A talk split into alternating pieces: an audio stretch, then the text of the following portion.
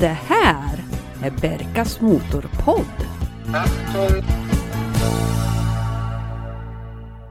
Hej och välkomna till det 22 avsnittet av Berkas Motorpodd. Och jag som leder dagens program kallas för Berka. Det här är podden som handlar om bilägande, om och för bilentusiaster. Har du en kul bil och vill vara med och prata om den? Ja men hör av dig på berkasmotorpodd gmail.com och vi finns också på Facebook, Instagram och vår egen hemsida berkasmotorpodd.se Idag ska jag bjuda på en pratstund med en intressant gäst som arbetat med att rapportera framförallt ifrån Formel 1-lopp runt om i världen sedan början av 70-talet.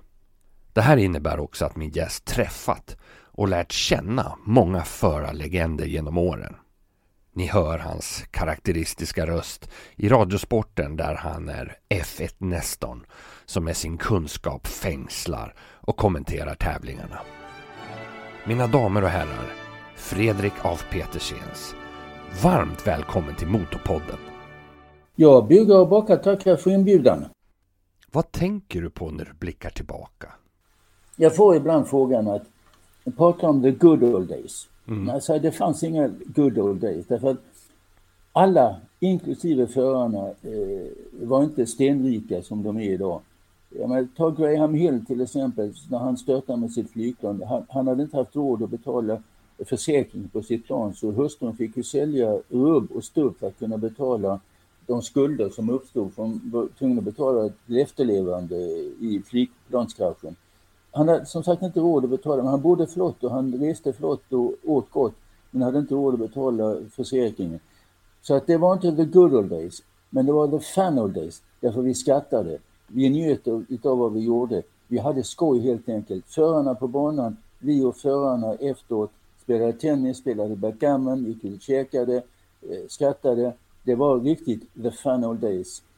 Jag ska inte säga att det var bättre för men det var the fun old days. Om vi tar det från början, hur kommer det sig att du blev expertkommentator och Formel 1-expert? Ja, vi får börja med som du säger hur det började och det var att jag är född och växte upp i Helsingborg och det är inte så långt ifrån Ring Knutstorp. Och eh, då tänkte jag att då ska jag väl också bli racerförare men jag prövade ett par gånger med en eh, Cooper S och det gick väl hyfsat. Men när jag sen skulle sätta mig in, i en Ford, eh, Formula Ford var det, med öppna eh, hjul, då blev jag kanske lite skrajsen så jag la av. Men eh, då fanns det, jag vet inte hur, kommer inte ihåg nu, men kanske cirka 15 killar i Helsingborg som körde i olika klasser runt om i Sverige och i Danmark och i Finland.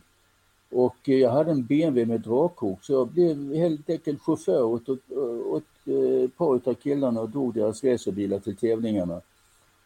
Och eh, så var det en helg i Danmark på Roskilde Ring där det, eh, helsingborgarna hade vunnit nästan alla sina klasser. Så de frågade varför skriver inte Helsingborgs Dagblad någonting om det? Du kan väl gå upp och prata med dem och gjorde jag och eh, det blev snabbt att okej, okay, då kan du ju skriva och det gjorde jag. Men, eh, och sen har det fortsatt på den vägen. Sen blev det mer och mer och sen hamnade det på radion så småningom också. När i tid hamnade du på radion då? Det var i början på 70-talet. 70, jag kommer inte ihåg exakt, men det var 72, 73 någonting. Var det direktsändningar från varje lopp då i radion eller var det, var det rapporter, alltså sammandrag som du, som du gjorde då? Vi hade några år som vi hade eh, rättigheterna och eh, först körde jag ensam och sedan eh, 77 tror jag det var så kom Christer Ulfbåge. Då körde han och jag i två säsonger ihop. Men, och när vi inte hade rättigheterna då läste jag in en rapport.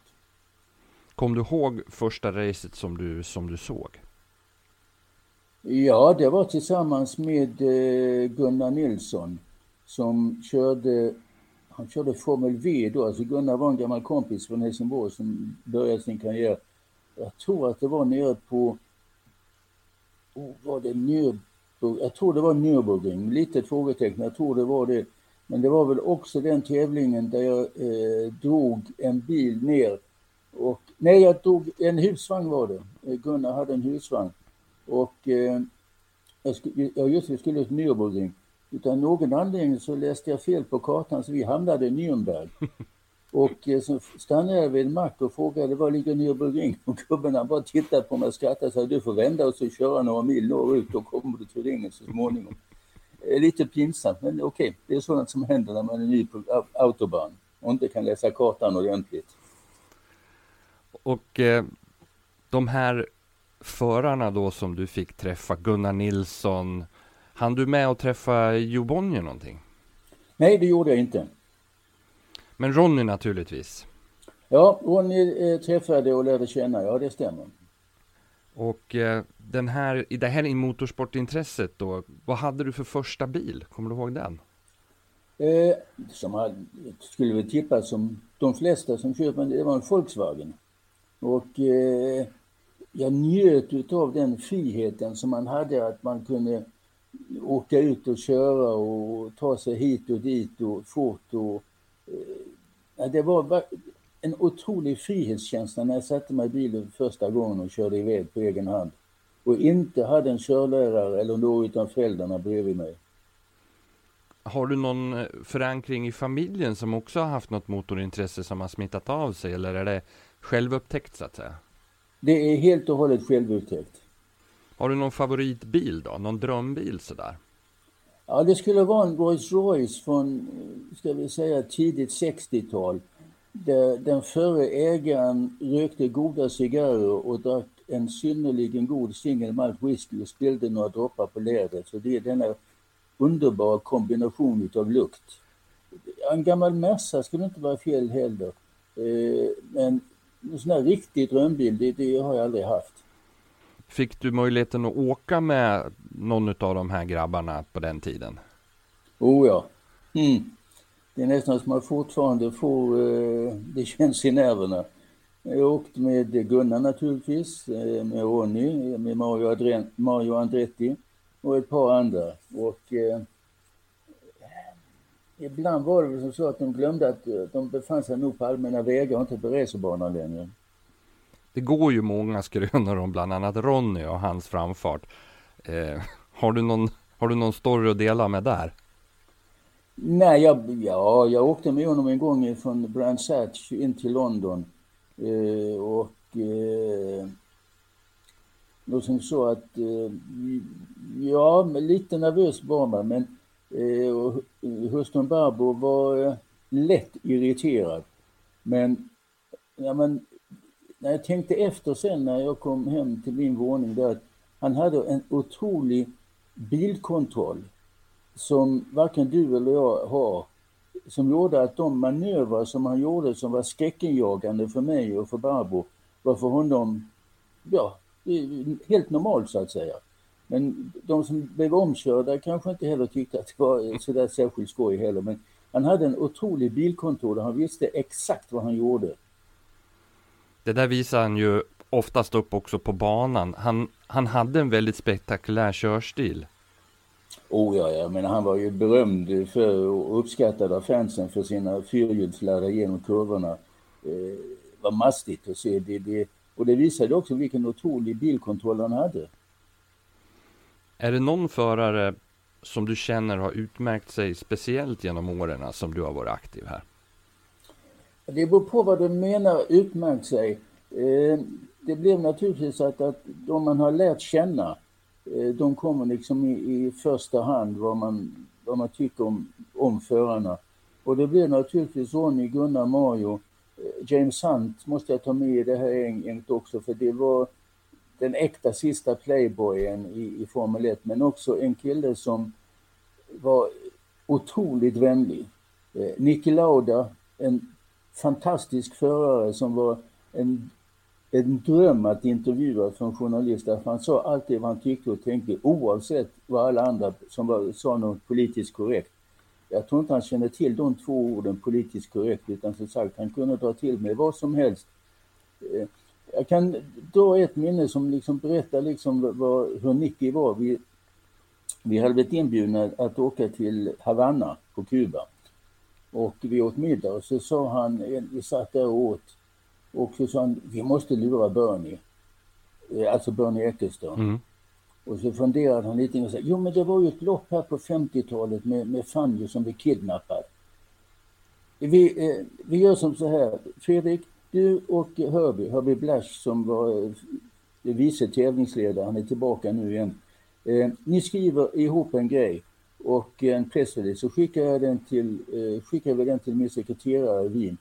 Och så ber jag henne skicka ut det till alla adresser som vi har i vårt register. Och det gjorde vi. Och den här sekreteraren hon ringde ett par timmar senare och var fullständigt förtvivlad. Hon sa hela världen ringer och vill ha kommentar från herr Lauda om det loppet som man planerar att köra på gatorna i Havanna, i Havanna och det är därför som ni är där. Ehm, BBC kom och intervjuade honom på hans hotellrum i Havanna. Eh, det spred sig över hela världen och vi skrattade ju havmynta framförallt när Max Moses, som då var FIA-president, blev uppringd av BBC och eh, skulle komma med en kommentar till planerna att Formel 1 på gatorna i Havanna. Eh, det var Niki Lauda. Och det hade varit en syn det? Ja, alltså vi skrattade ju också. Vi, vi satt ett par dagar senare när vi gick igenom det hela. Tyckte det var helt otroligt galet att folk hade gått på den här, när man liksom vet att eh, tillståndet eh, i Havanna eh, inte precis var det bästa, framförallt inte hur gatorna ser ut att kunna köra Formel 1-lopp där. Och James Hunt då, den sista playboyen? Ja, han var, eh, ska man förklara det? Okej, okay, han var playboy, men han var också otroligt vänlig och artig. Och eh, jag kommer ihåg att när han slutade så försvann han och höll sig borta från eh, depån. Kom tillbaka efter två eller tre år och eh, blev eh, tv-kommentator tillsammans med den engelska legendaren Mary Walker. Och när han ser mig i depån så säger jag bara “Tjena Fredrik, skoj att se dig, hur mår du?” Och då har han inte sett mig på två, jag tror att två eller tre år liksom bara att han kom ihåg mitt namn och så vidare, bara det imponerade på mig och visade också vilken människa han var. Att, eh, det var också en kille som jag gärna och ofta pratade med, inte bara om, om motorsport eller Formel 1 utan om saker i största allmänhet. Han verkar ju vara en, en väldigt stor livsnjutare. Ja, det var han, utan tvekan. Och det som jag också eh, beundrar honom för, även om kanske andra säger att det var fegt, det var när han säger att eh, jag vill inte längre. När han slutade mitt i säsongen, jag kan inte, jag är rädd.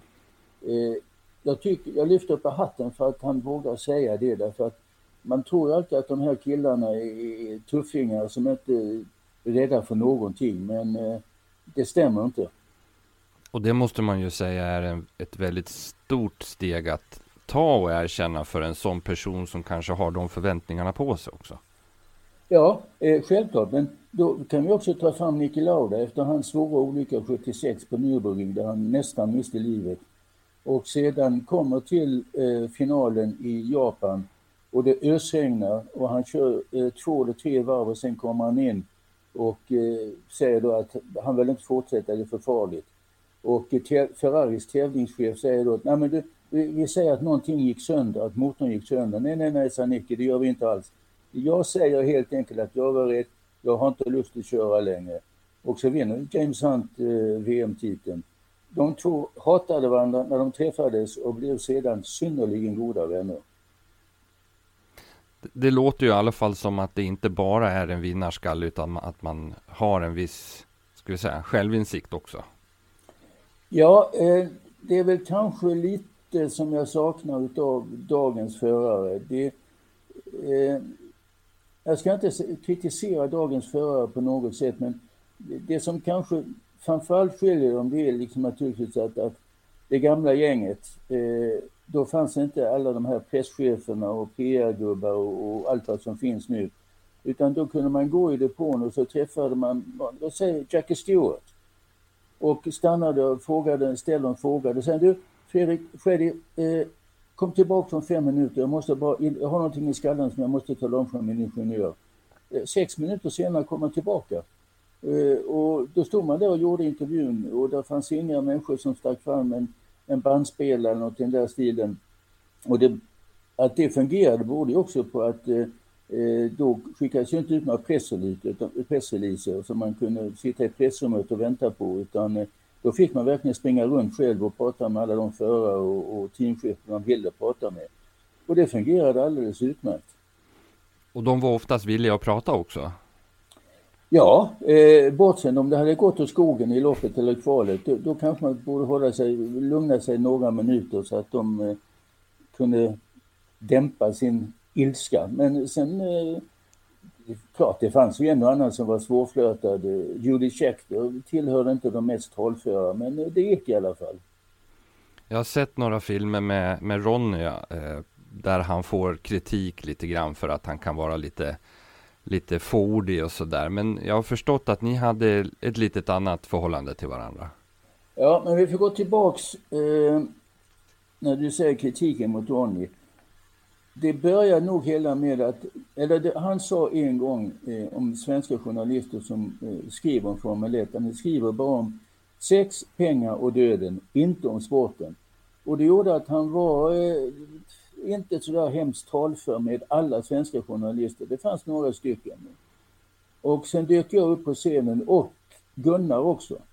Och när Ronny märkte att Gunnar var otroligt talför och fick så mycket eh, i radio, tv och svensk media, att då började han ändra attityd lite grann, han öppnade sig lite grann. Och när det sen gäller vår vänskap och jag pratade med honom för första gången då. sa han, han sa ett par grejer men sa det är off the record, det får du inte lov att skriva. Och det liksom min hjärna delades i två hälfter. Den ena var journalisten, jäklar vilka bra grejer. Det är ju, jag ska inte säga det är scope, men det är verkligen att det blir rubriker. Och det andra sa, om jag skriver det så kanske jag inte får fler kommentarer. Och, eh, så jag skrev ingenting och då kom Ronny, jag tror det var tre lopp senare och sa att du, eh, alla mina vänner och familj hemma har kollat vad du har skrivit och vad du har sagt. Och du har inte nämnt någonting eh, som jag sa var off record, så att nu litar jag på dig. Och sen fick jag grejer som, var, som jag faktiskt var helt ensam om flera gånger. Kommer du ihåg något exempel? Eh, Holland 78. Eh, där eh, Ronny jagade Mario. Och eh, svenska journalister frågade varför körde du inte om honom? Nej, sa alltså, han, eh, mina bromsar var inte så bra så att när vi kom till den första kurvan, till Tarzankurvan, eh, så hade en lång bromspedal så det, det gick inte helt enkelt. Och eh, så vände han, till, vände han sig mot mig och så sa han, Fredrik kom in i, i husbussen, alltså Lotus husbuss, så ska jag tala om vad som verkligen hände. Och då var det ett par svenska journalister som blev förbaskade och frågade varför jag skulle få komma med in. Och då sa han bara som så här att ni åker på tidningarnas bekostnad, eh, bor på bra hotell och har traktamente. Fredrik är frilansare och betalar allting själv. Så vi gick in och fick jag, så, nej, självklart kunde jag köpt om honom hur enkelt som helst, men jag får inte enligt mitt kontrakt som man hade då med Lotus att han var liksom klar andreförare och bara fick lov att köra om Mario antingen om han hade problem eller vinkade förbi honom.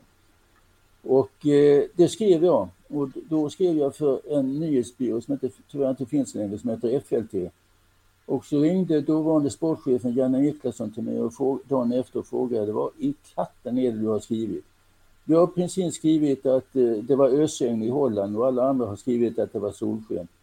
Så jag sa, du ring Ronny och så får du reda på vad, vad som stämmer. Och det gjorde han. Och sen ringde han tillbaka och sa att okej, okay, eh, nu vet jag att det var det du skrev, det var det riktiga. Och då blev det en otrolig... Så vi, det liksom, den vänskapen som Ronny och jag hade gjorde att jag fick sådana här grejer. Men sen vill jag också lägga till att sen var det också en otrolig vänskap mellan Mario och Ronny trots att Ronny hade skrivit på det här eh, kontraktet som andreförare. Det började med att Mario eh, fick kontakt med eh, Colin Chapman och eh, sa att han ville, och när Colin då sa att eh, Ronny skulle den, den, den andra föraren så sa Mario nej. Och då frågade Colin varför. Nej, han är förbaskat bra. Han, han, han slår mig. Så att de kom överens så småningom. Varför Mario fick kontraktet var för att Colin ville sälja mer av sina sportbilar i Amerika. Mm. Men då blev det en, en kompromiss av det hela som Ronny gick med på att han skrev på som nummer två. Jag frågade dem i Brasilien varför. Och då sa han, ja om man tittar på statistiken så det är den, en av oss kommer alltid att bryta och det kommer att hända den här gången också. Mario kommer att bryta och då vinner jag. Men just det här året var Lotusen så pass bra att det, det var få gånger som de tvingades bryta. Men så utvecklades en vänskap mellan dem och som Mario berättade för mig att Ronny kan inte ljuga. Frågar jag honom en, om en inställning så får jag ett 100% ärligt svar. Så att det blev en otroligt djup vänskap mellan dem och det bästa beviset på det är när vi kom till Monza 78 som tyvärr blev Ronnys sista lopp. Då sitter vi inne i husbussen och då säger Mario så här att du, Ronny, från och med eh, nästa lopp, det var två lopp kvar i USA och Kanada, så kör du och jag om VM-titeln. Och vi struntar fullständigt i vad som står i våra kontrakt och vi struntar fullständigt i om Colin Chapman är fullkomligt vansinniga på oss bägge. Anledningen är som att jag vill inte vinna VM-titeln och alla vet att jag vann den därför att du inte fick lov att köra om mig. Och det vill jag, så vill jag inte ha det. Tyvärr blev det inte så utan det slutade tyvärr i eh, Monza med olyckan.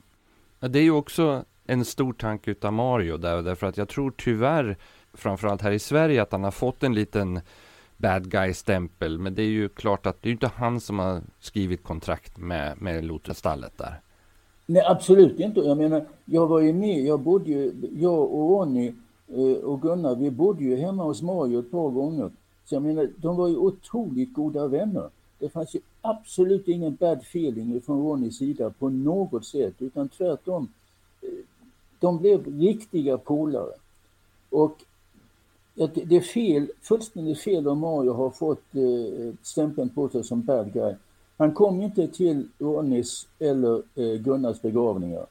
Och när jag pratade med honom så sa han helt enkelt, jag klarar inte av det. Och förklar, som han sa att jag har känt många människor i Formel 1, eller i motorsporten under sin, hans långa karriär. Jag har fått många så kallade bekantskaper, men jag har bara haft två riktiga vänner. Det var Gunnar och det var Ronny. Och det sa han, jag klarar inte av att komma till begravningen. Det säger också en hel del om förhållandet mellan de här tre människorna. Inte bara föraren utan mellan de här tre människorna. Och en ren hypotetisk fråga som jag också ställde till Ronnys bror Tommy. Det är hur du tror att Ronny skulle ha klarat sig om inte Monza hade inträffat 1979 i en McLaren. Det är en, som du säger en, en teoretisk fråga som är svår att, att, att svara på men jag är smått övertygad om att han hade kunnat vinna VM-titeln det året. Ronny hade flyt igen, allting fungerade för honom. Allting var positivt. Återigen, för, alltså, mer med, med Mario än, än med Colin. Det var som chefen, okej, okay, de umgicks, pratade och så vidare. Men mitt intryck var att, att Ronny var i en sådan totalt positiv, ska vi säga, bubbla för att använda ett modernt ord. Att det hade kommit, hade fortsatt även nästa år och jag tror faktiskt att han har haft stora chanser att vinna VM-titeln. Vad svarade Tommy? Nej, tyvärr var, valde han ju att skriva på för McLaren. Och den bilen 79 var ingen direkt lyckad bil heller. Men det vet man ju inte hur Ronny hade kunnat utveckla den. För att men, han hade ju viss erfarenhet av Lotus ändå och det hade ju inte de som tog över efter Ronny. Ja, eh, det var också det som gjorde att han var, eh, ska vi säga inom citationstecken, beundrad av sina konkurrenter.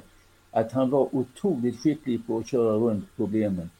Eh, på Brands Hatch så det var ett par gånger där, där mekanikerna fick order om att, att inte ändra någonting på bilen för Ronny ville, göra, ville ha ändrat men Colin sa nej därför att då skulle han blivit snabbare än, än, än Mario.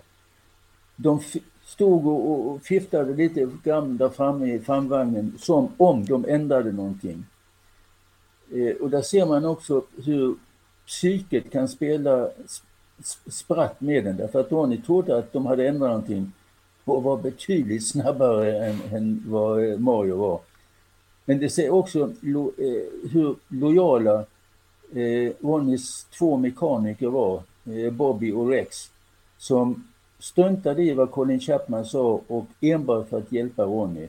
Så att eh, men som sagt, din fråga, jag tror faktiskt att han har haft goda chanser därför han var mästare på att köra runt problemen. Gunnar som, som chaufför, har du några ord där?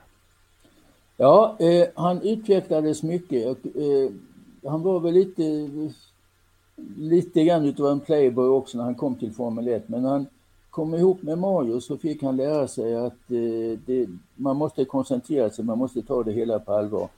Jag vet, vi satt en, vi delade rum i, ett, i hela året och eh, vi satt en gång i Madrid på hotellrummet, på, bal, eller på balkongen, för att Gunnar hade fått stryk av Mario som vanligt i kvalet och han kunde inte begripa varför. Och eh, vi satt och diskuterade fram och tillbaka varför och så vidare. Så gick vi till Mario dagen efter och frågade liksom. Och då sa Mario att Gunnar, vi är goda vänner, men jag har bara ett litet råd. Man måste lära sig gå innan man kan springa. Jag har x antal års erfarenhet i Formel 1 utav motorsport. Jag har vunnit Indy 500. Jag har vunnit nästan allt som går att vinna som jag ställt upp i. Du har precis kommit in. Eh, Eh, var inte arg, besviken, utan du kommer också att lyckas. Och det gjorde han. Han vann ju sen Belgiens Grand Prix där han körde i ösregnet, körde skjortan utav hela gänget. Hade det räckt till VM-titeln? Ingen aning. Definitivt tror jag nog att, att eh, topp tre eh, hade han nog kunnat bli, men det är omöjligt att säga om han hade vunnit någon VM-titel. Men tyvärr så fick han ju cancer, så att det var ju därför som han gick bort. Ja, det stämmer.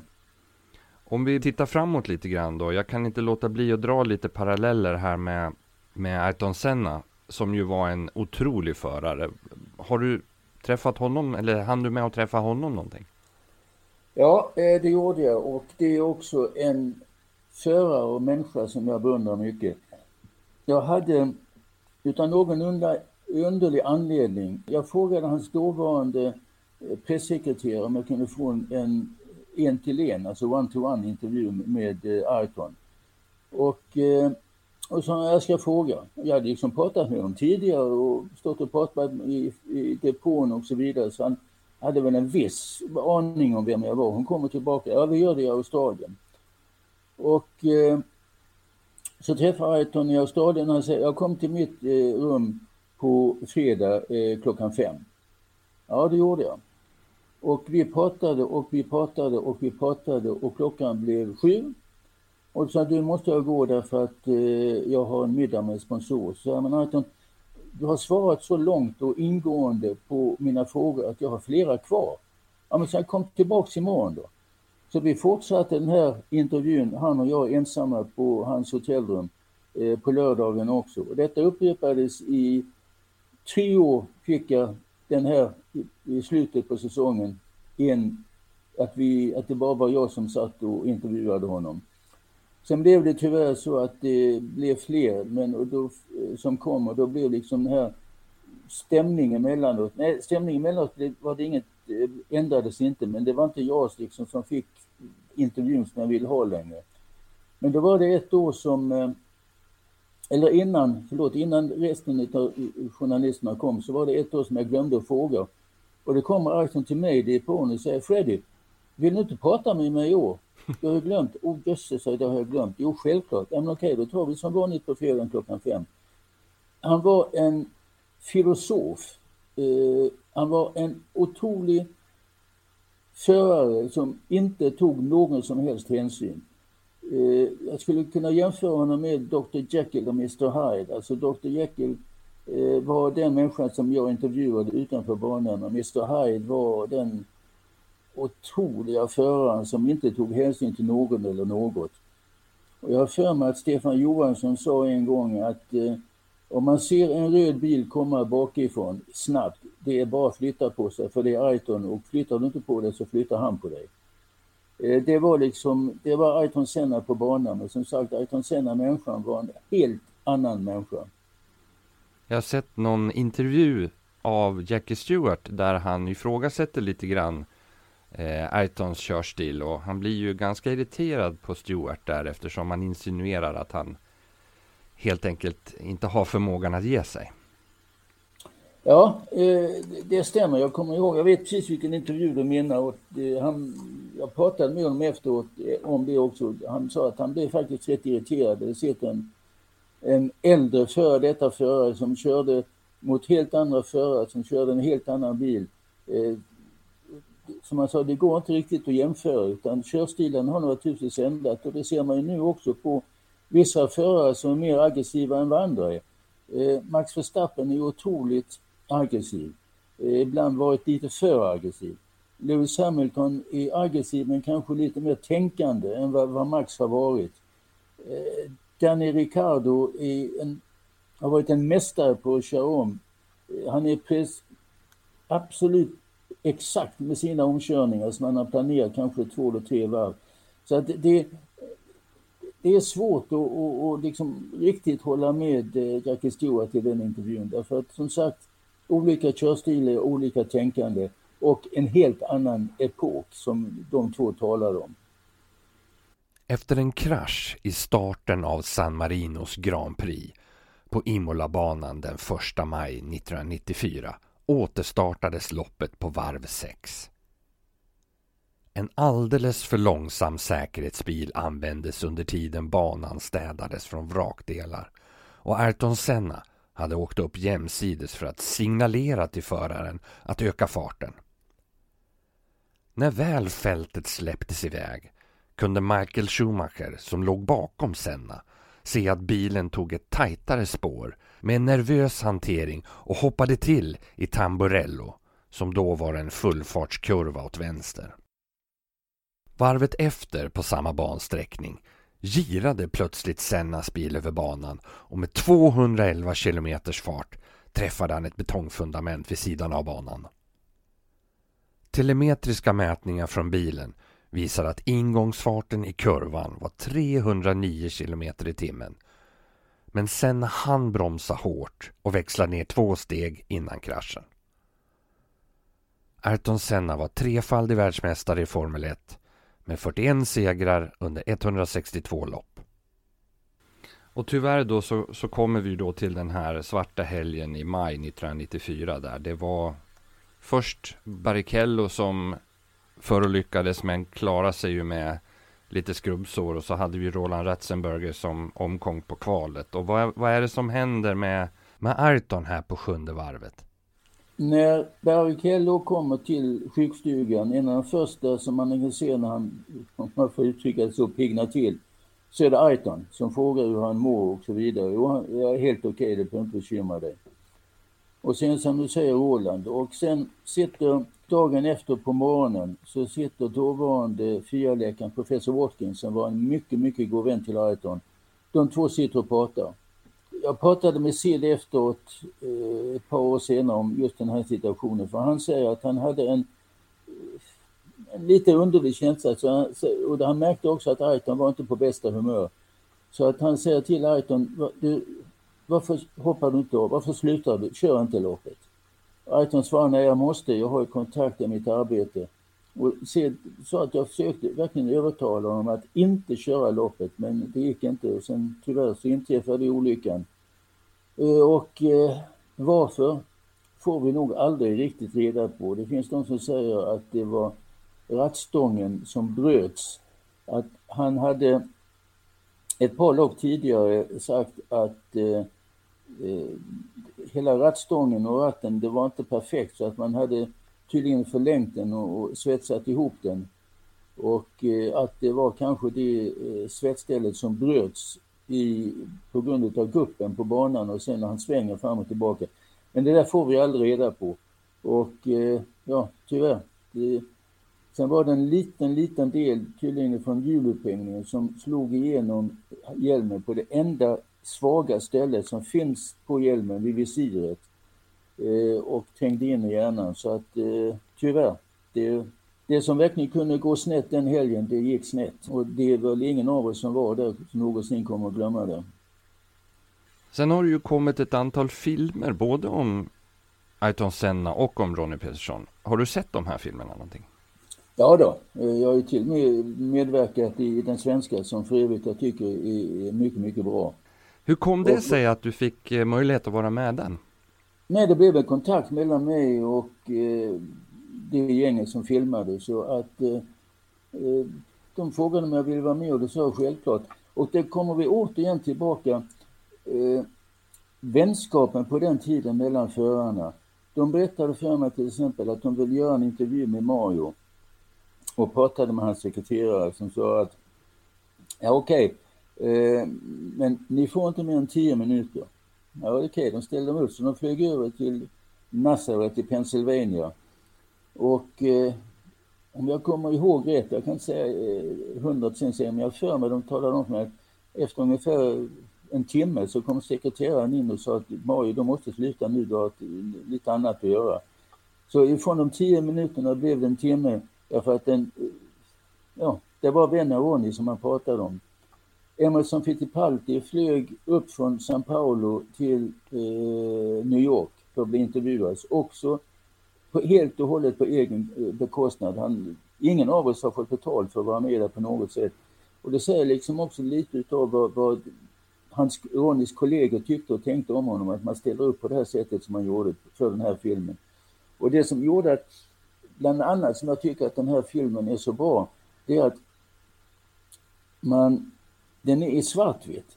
Det vill säga att man blir inte distraherad, eller inte svartvitt, svart och vit och grå skulle jag säga.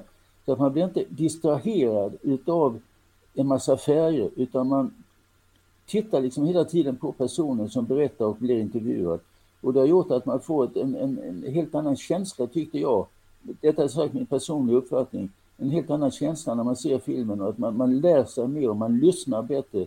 Jag tycker det är en mycket, mycket bra film och dessutom har han ju hittat eh, material som eh, ingen annan hade sett tidigare. Så att den, jag tycker den är mycket bra. Och likadant den filmen Aiton var eh, också synnerligen bra. Och jag kommer ihåg att jag var på en, en premiärvisning i London.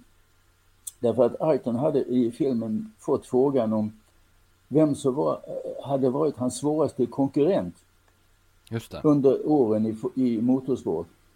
Och då nämnde han ingen Formel 1 för utan en, en kille han hade tävlat mot i go-kart. Alltså för hundra år sedan innan han kom till Formel 1. Och då hade arrangören utav den premiärvisningen faktiskt hittat killen och, och bjöd in honom och han var med på scenen och intervjuad.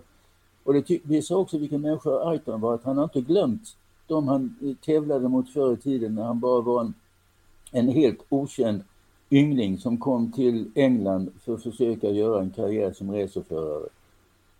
Han, han säger ju det i filmen själv sen att jag tror att han heter Fullerton den här.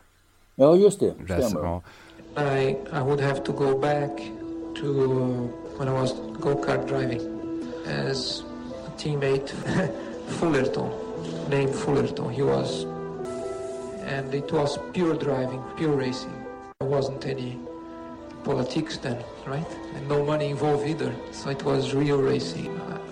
Det var ingen politik där och han var ju inte i politikens finrum direkt för han hade ju sina kontroverser där med Jean-Marie Balestre som man ser i filmen där bland annat. Oh, oh, oh, ja du, det kan man lugnt säga att det var kontroverser.